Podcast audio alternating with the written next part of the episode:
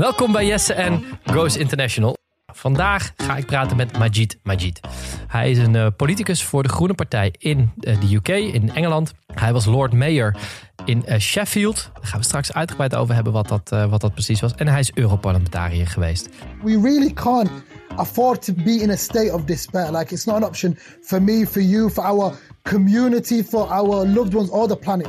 Uh, en met hem ga ik praten over uh, zijn tien geboden die hij heeft opgesteld. En natuurlijk over Brexit. Majid, Majid, who are you? Please, for all the, all the Dutch people who are listening to this podcast. That's a deep question. Who am I? I ask myself all the time.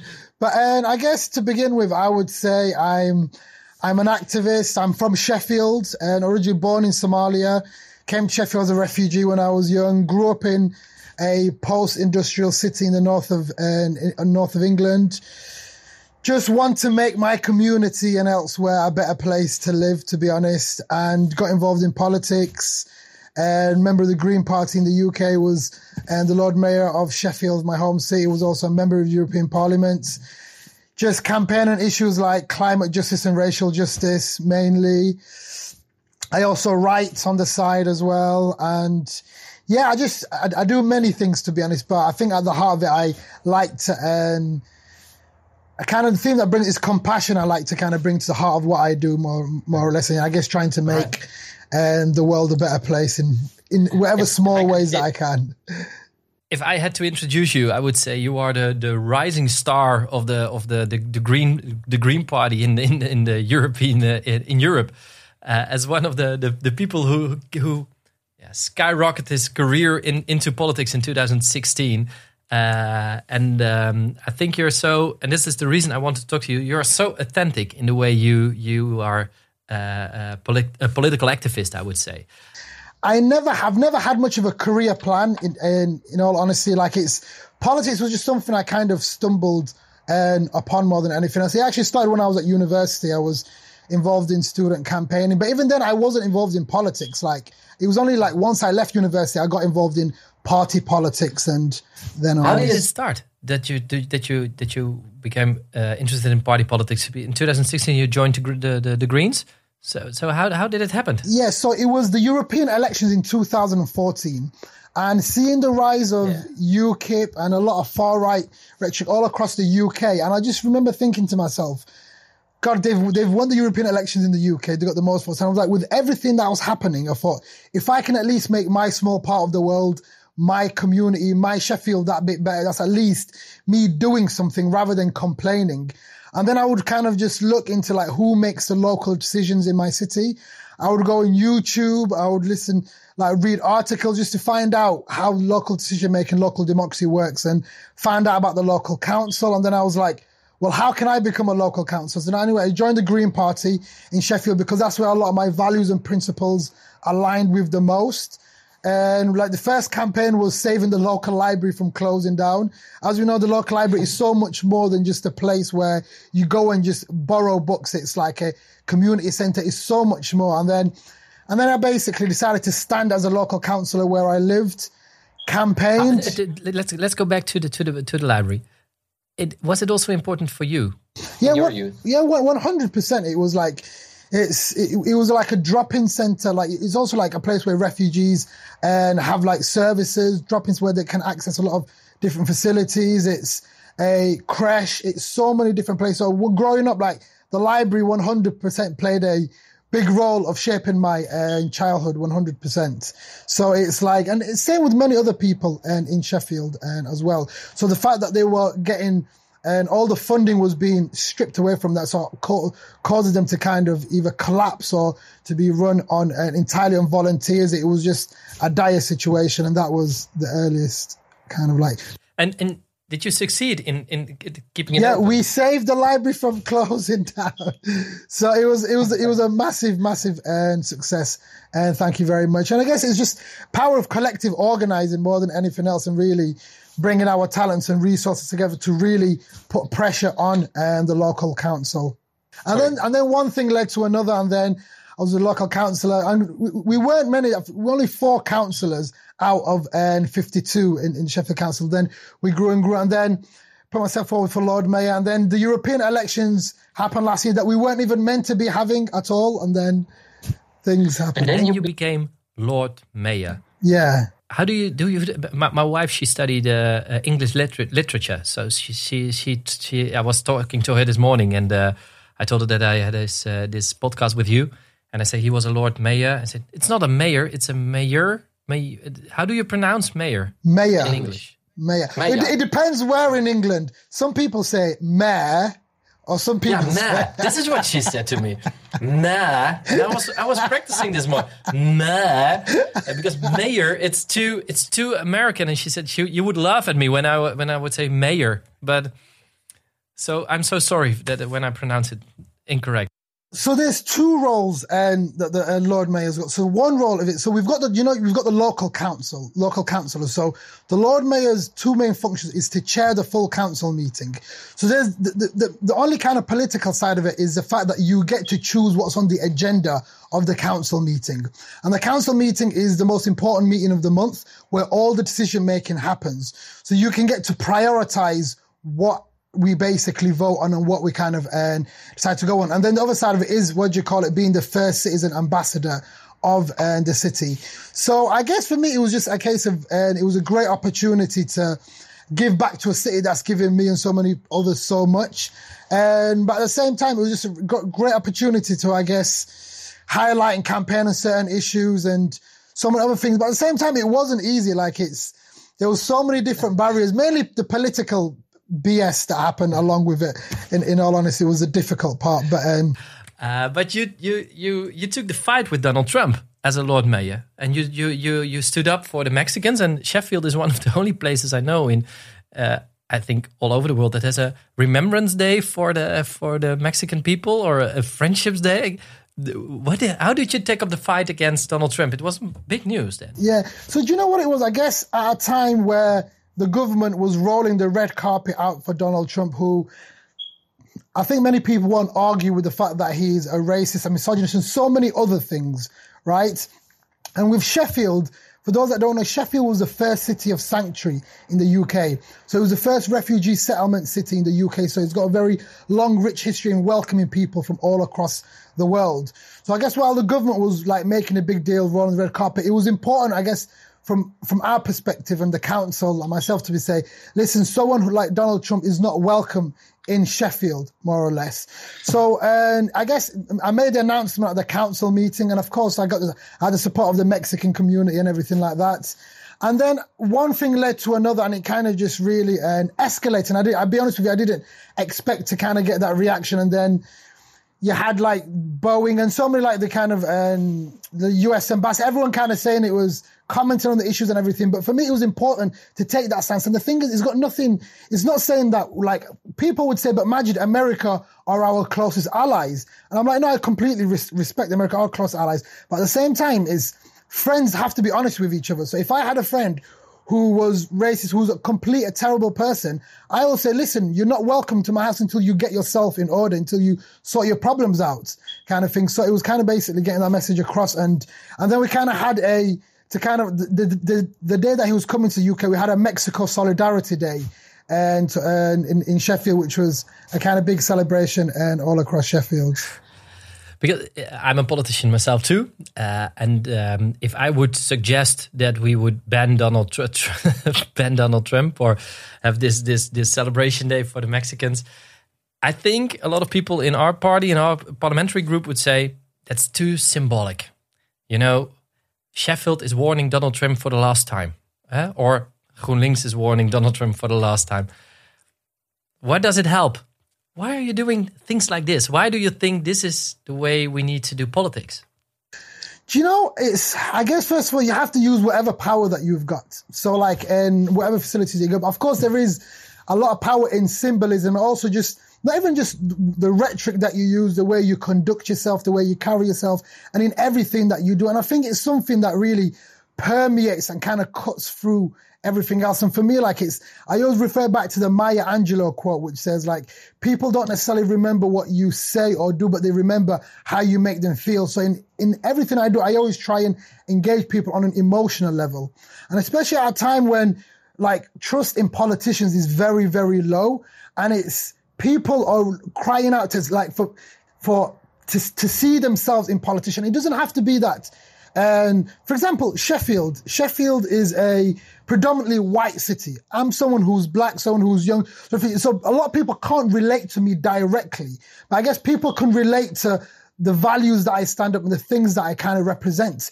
The fact that I got elected as a councillor, the fact that uh, I was Lord Mayor, the fact that I got even got elected as a member of European Parliament for getting most of the votes in Sheffield, it's, it's testament to the fact that you don't you don't have to be exactly what people that that you kind of like represent to people. You know, so it's symbol, symbol, symbolism is a really powerful tool to kind of really connect and engage with people, especially as I guess people's attention spans are getting shorter.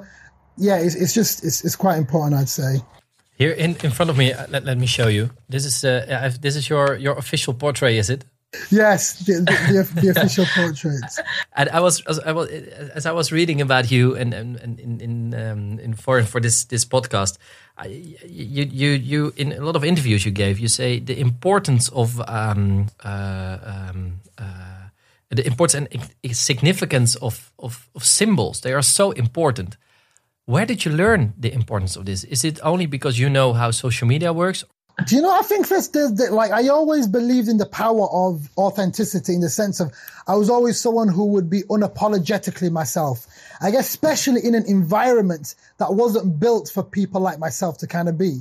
So even the fact of like being in in the uh, people, t- like, people like me. What do you mean by people like me? So uh, to, to, kind of uh, elaborate on that. So for example, if you were to walk inside the Sheffield Town Hall and inside the Lord Mayor's Parlour, which is over a hundred years old building with very grand, and it's like even if you look on the walls of all the other previous Lord Mayors, it's all old white men, and it's like I I remember on the first day I became Lord Mayor, opening my fast, breaking my fast in the Lord Mayor's Parlour, which is the grandest office room in the entire of South Yorkshire.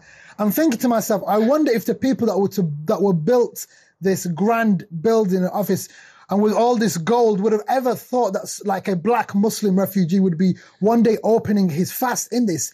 It was something that I, I just couldn't fathom that would, would have been possible if I'm being honest with you. So it was, I guess, there's everything like whether we see it, or there's a lot of tradition everywhere. And like, of course, there are some, we used to have shit traditions where women weren't allowed to vote and whatnot. So you can create new traditions. So I always say like, tradition is just peer pressure from dead people. So it's not something that we should always kind of really hold on to kind of thing. So I always, I guess I question a lot of things and I always think about how we can adapt and how we can change things. But all these new communities, they also need new symbols and new traditions. Do you understand you correct? One hundred percent. But one thing I'd also just definitely so like in every because I used to do a monthly campaign in everything like it's important of course for symbolisms and like to grab people's attentions but it's what you do with it that counts. So, for example, like a lot of the monthly campaigns I would do, for example, whether that be uh, creating a UK, creating a UK suicide prevention charter to get a lot of people to, so there was always everything I would do. Yes, people would say, oh, do you know what, Magid? He's just attention seeking. That's that's all he does. I'm like, of course. Like it's like, would you rather just me to sh- shut up and not do anything and just tell them not do? Of, of course, I'm going to try and captivate a lot of people. I want I want to grab as much people's attention to bring focus and highlight the issues that we need changing. And of course, a lot that would come with some of the political rhetoric I follow up with and the actions that I would suggest and we would do.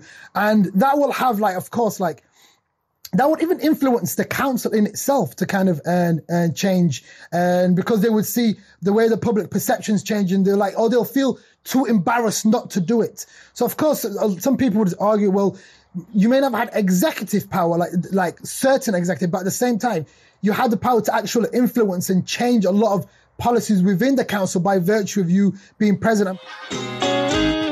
Hey, sorry dat ik even onderbreek, maar ik wil je wat belangrijks vragen. Vind jij ook dat het de hoogste tijd is om klimaatverandering echt aan te pakken? En wil jij net als ik en vele anderen een groene en duurzame toekomst? Word dan nu online campaigner. Ga naar groenlinks.nl/slash nu en meld je aan. Check de show notes voor de link en kom in actie op groenlinks.nl/slash nu.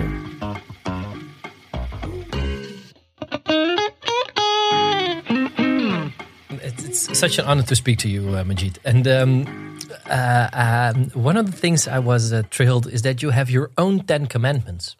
Yes. I would like to to to to walk by all the all those ten, uh, and it starts with being kind. That's the first one, is it? Yeah, be kind. Can you can you in in short, you can you tell what's the importance of this commandment? Just to give a bit of background on that. So, so basically, yeah, and uh, very very very briefly. So um, I guess it's um, there was a big music festival music festival in Sheffield, and they were like man, you've got a big billboard, you can have whatever you want on it, right? So for me, it was like, right, what message can I put on this that people can really identify and get behind? So I was like, a list of Sheffield's 10 commandments that people can live by and resonate with. And it kind of, it went down a real kind of success. So then I kind of came up with the 10 commandments. And for me, it was important to put be kind and as the first and kind of and commandment. I'd, I'd argue probably the most important one. And I guess the reason being is, it's just, I know it can sound cliche, be kind, but it's the easiest thing to do, I think, but also has the biggest impact out, out of all of them, if I'm being honest with you.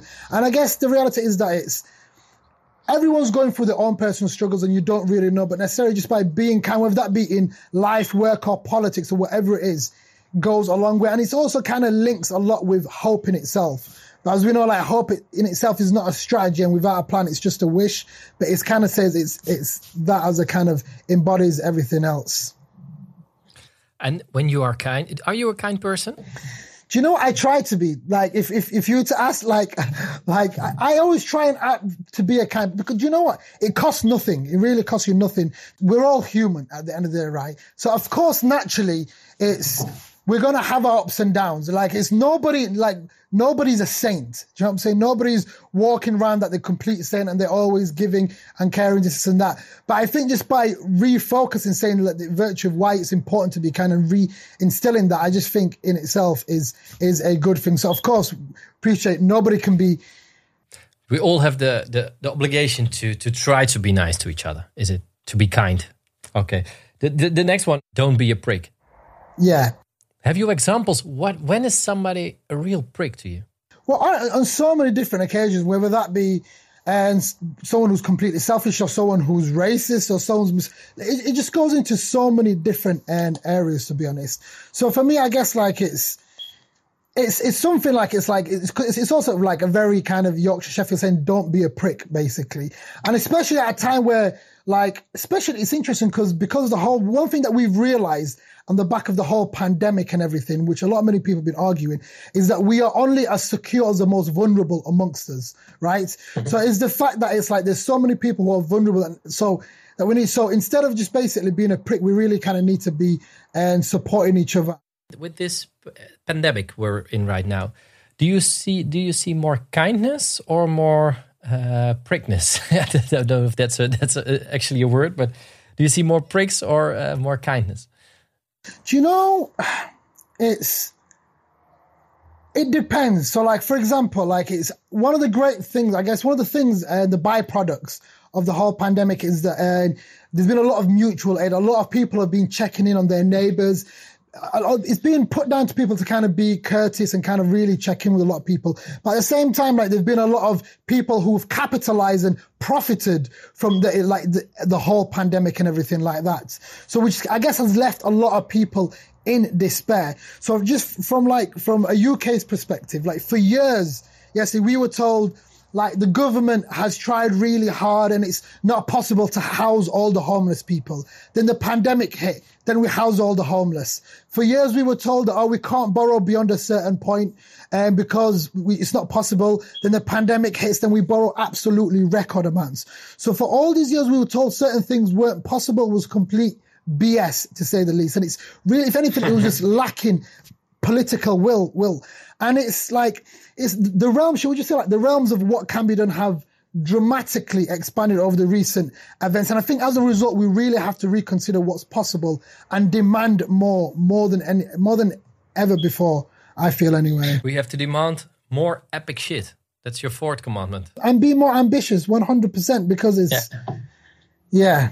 When, when when you say do epic shit, that that's your fourth that's your your fourth commandment. But when we make the the, the connection between uh, what this pandemic shows us, the governments who are doing much more than they ever did before, uh, what is uh, your top priorities when it comes to governments when they need to be on what topics they need to be more ambitious?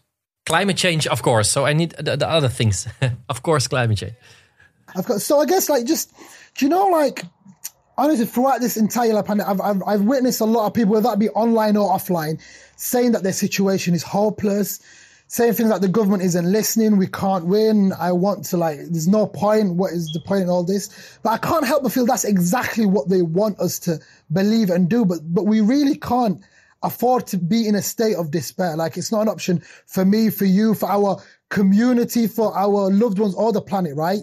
And it's worth kind of noting that the problems that we face didn't just come down from the heavens. Like they are, they're, they're basically made by bad human decisions mainly by white men in suits, if I say so, but also like we can have good human decisions by and putting good people and in positions and more or less. And as powerful as the elites and corporations are, I honestly believe, I guess when we really come together, collective organize and kind of say, no, things need to change.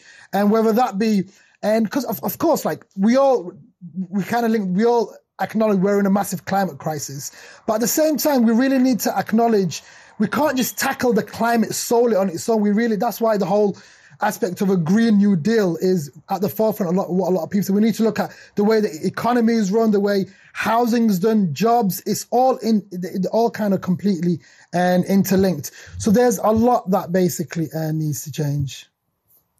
All right, don't lose hope. Your fifth uh, commandment. Yes. So I guess like when it comes to and don't lose hope, it's a lot of people like are struggling, like more than any, more than yeah, yeah. A lot of people are struggling ac- across the board, and it's easy, I guess, to uh, neglect in each other or our loved ones and Uh, mental health is massively and on the rise. A lot of people are suffering as a result of that. So I guess it's just a virtue of like, yes, things are completely difficult. And even, even in politics, like even if you're an activist or you're working, it's easy to burn yourself out. So I guess it's kind of reinstilling the importance of making sure that you're refilling the well yourself before you can actually give water and, and support to and other people. And also just really having each other's, having each other's backs and more than anything. You, when, when, you look at, at, at your own life, uh, were there moments that you lost hope? Oh, so many times I've kind of been close. Like it's honestly, it's just worth pointing out that it's it's easy for me to be like, oh, it's amazing. I've achieved all these things. Isn't that great? Without, but the reality is, it just would not have been possible without the sacrifices that my mother made, friends who grounded me, people in Sheffield for supporting me. So, it, like, you never do things by yourself ever. So okay. it's I've got a lot of things to be grateful for, a lot of things to kind of be thankful for, and I think it, it, for me it's always like it's it was a duty of mine. So, for example, when I got elected as a councillor in Sheffield City Council, I was the first black, I was like the only black person on Sheffield City Council, and for me, I'm not I'm not much of a fan of being the first. Like it's not I don't see it as a achievement because it's like well it's a, it's a shame like the fact that I'm the first person I've how long like it's, it's this should have been resolved a long time ago. So for me it was important to support and give other people and support. So I then supported and I got another and black woman to be a councillor and um, with the Green Party on Sheffield City Council. So of course on one hand while you're climbing it's important to kind of use your other hand to kind of help raise other people and as well. Because for me it's it, it's just it comes part and parcel uh, more than anything else. An opportunity is something like you can you can work really hard. Like you need to work hard, but without opportunity and sacrifice, it's it's it's it's, it's going to be a problem. It, maybe that's that's another commandment that that needs to be on your list. But uh, when you get opportunities in life, you have to make sure that you give back to community to the community and give other people the same opportunities they give you. Do you know? What? Yeah, see, let's make that the eleventh commandment. That's the eleventh one. All right, all right. uh, do it, do it differently. I think we, we talked enough about it because you do you do things differently, be, be, just by being unpolitically um, uh, yourself. Yeah. Is it just don't don't don't uh, try to fit in the group?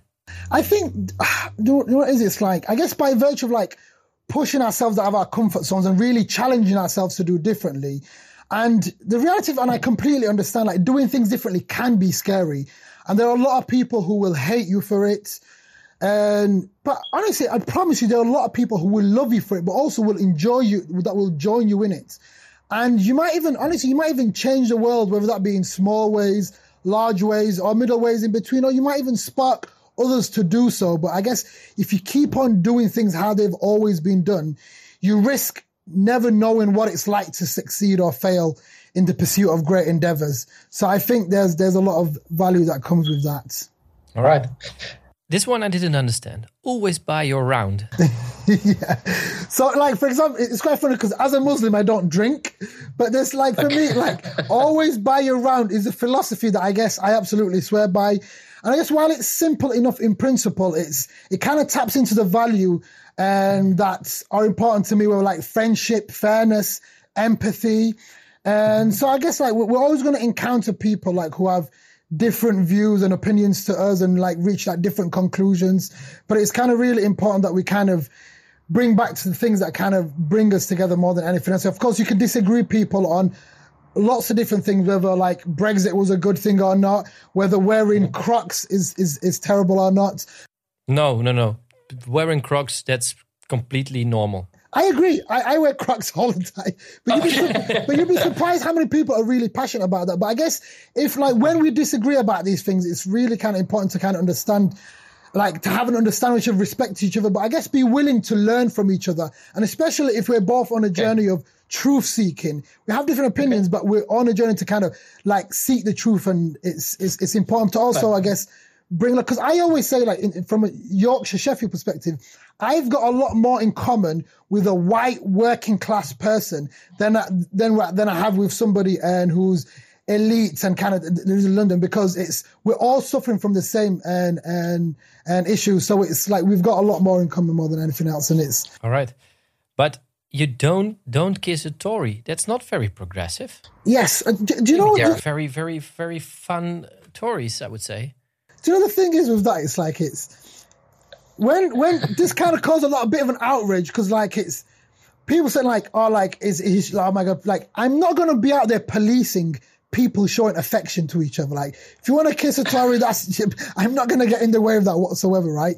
But you, but you know the the thing is like there could be so much more to say like, over to say. For example, Worse, it's like don't trust the Tory because, like, honestly, this entire chapter of within the book of Kiss Tory kind of looks into it. Like, of course, like it's it's a tongue in cheek. It's quite funny tongue in cheek, but as well, it's it's the fact that like it's like understanding politics, knowing that I guess it's a lot of the atrocities that the Conservative Party and the Tory Party have done to the country. And it, it, I kind of make light to that, like it's and the fact that like the p- politics of fear, but it's even like austerity that they've kind of put on everybody else. So it's it kind of really looks into what and the Conservative government have done, the way we can change things, how to become an activist, what you what, what you should learn, kind of thing. And so, of course, I also even within that chapter, I also kind of talk about what I would like to kind of see happen, whether that be simple things like giving people like 16 year olds, young people, the ability to vote. Like in the UK, if you're 16, you can legally get married, join the army, do something, but you, you're denied the right to vote. Even like our voting system needs to change in the UK. We've got a very archaic voting system in first past the post. And no, the Conservative Party or the Labour Party don't ever want that to change because it, it suits them because it will always make it a two horse race between them two. And it's always putting power over people. They're just concentrating on power rather than actually doing what's best for democracy. In the UK, our House of Lords, they get to legislate and they're not even elected. How are we having unelected bureaucrats that can actually legislate and change the law and nobody elected them? And you know who they are? If you donate money, lots of money to the Conservative or the Labour, they make you a member of the House of Lords. And how is that democratic? Like we should abolish the House of Lords, but it seems like it's perfectly acceptable. So that's why I go on about that. We really haven't got much of a democracy. Okay. Do you do you, do you, are you working on proposals to change the the, the democratic system? One hundred percent. Like not just myself. Like the Greens, we're always trying to like we want to abolish the House of Lords. We want to change so many aspects of it, but it's it's difficult to break through. But more or less, especially like when the political system really pushes out other smaller parties, and I guess there's even campaigns within Labour, but they're not interested. Kind of thing. It's for them. It's all about doing whatever it takes to kind of because they were the original party of for the working for the working party of labor but they're more or less like like and they don't for example they don't they don't sign up for free education. There's so many things like for them it's again just gaining power by any means necessary regardless of what we sacrifice or who we push under the bus and then it's all about power power power power. And it's yeah it's, right. it's just things need to change. All right then then maybe the most important one. Tell your ma you love her. yeah, honestly, yeah. So I guess this is all about like within this is just I guess it's all about gratitude. Even if your mother or even if your father isn't even kind of alive, it's just by basically living your life in a way that they would be proud of, kind of. And that in itself is telling your mother that you love her. And then the last one, you've got this. Yeah, and you know what is like every single like with this whole thing, every single one of us have we've all got a form of platform, some degree of influence. Like whether that be speaking truth to power, whatever it is, it's our collective responsibility to really do something more than anything else. And I guess to make your community, the world, everything, and a, a better place. So if you're a writer, write. If you're a comedian, create some like online some funny content, whatever it is that you've God given talents that you do, like there's something that we can all do to make our community and things a better place. And I think it's in, in it's incumbent amongst us to kind of uh, do that basically. So it's kind of be like re and reinstilling that. And you know, and if you haven't got the answers, it's okay. Like it's okay if you don't know. But the thing is, just start. Like like build a momentum, join a union, join your local campaigning group. Even even at the very least, Speak to your family and friends about actually, it. It's, it's participate in democracy. Participate in, in what, what what way the way you want to participate. It can be in politics. It can be in a labor union. It can in so many ways. But be an activist. But but participate. Join. Yeah, definitely. Even like speak to your friend because the thing is like even within our friends and family, there's people that might not that have completely different views. So even by having difficult conversations at times, really goes a long way within itself as well.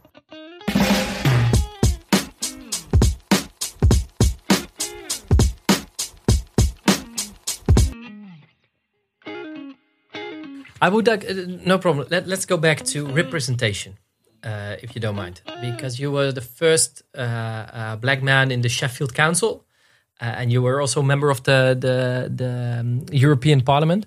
But in the things you you in, in your book, you also tell it's representation is not only uh, about being there, of having people from an Asian background or a black background in in the in a, in a council in the European Parliament it's about social justice. That's where representation is all about. Can you tell me? And that there's also a risk in it that they say, but look, look over here, we have a lot of diversity. So, so that this this is our excuse. uh, I just it can't stop there. It's, this is what I'm saying. Like, yeah. like in terms of like identity politics, we, we have to kind of understand that having having black and brown faces in high places does not solve the issues of inequality, injustice, anything like that. Like it's the UK, for example, the Chancellor of Exchequer is Indian, brown guy. The Home Secretary is brown guy. And they are one of the worstest people towards black and brown people.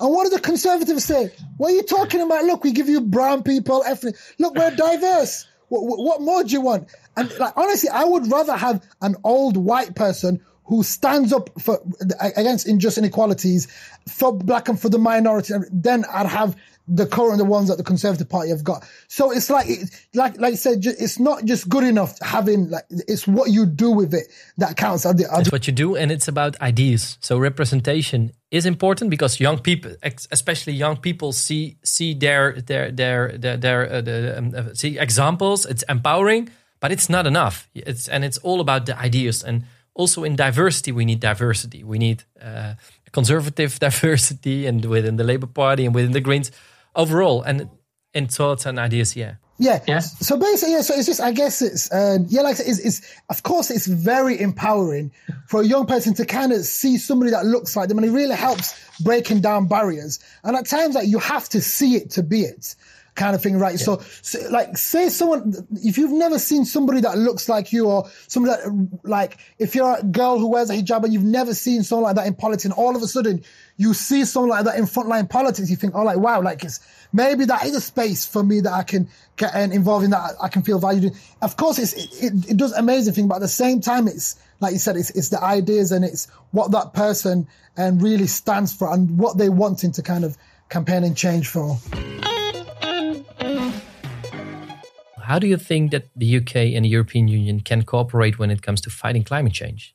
Do you see their uh, political possibilities? Because I, I think uh, Boris Johnson uh, when it comes to the climate, he has a whole uh, different rhetoric than a lot of other conservative uh, politicians. So, do you see possibilities for the UK and the EU to work together on this issue, even with Brexit happening?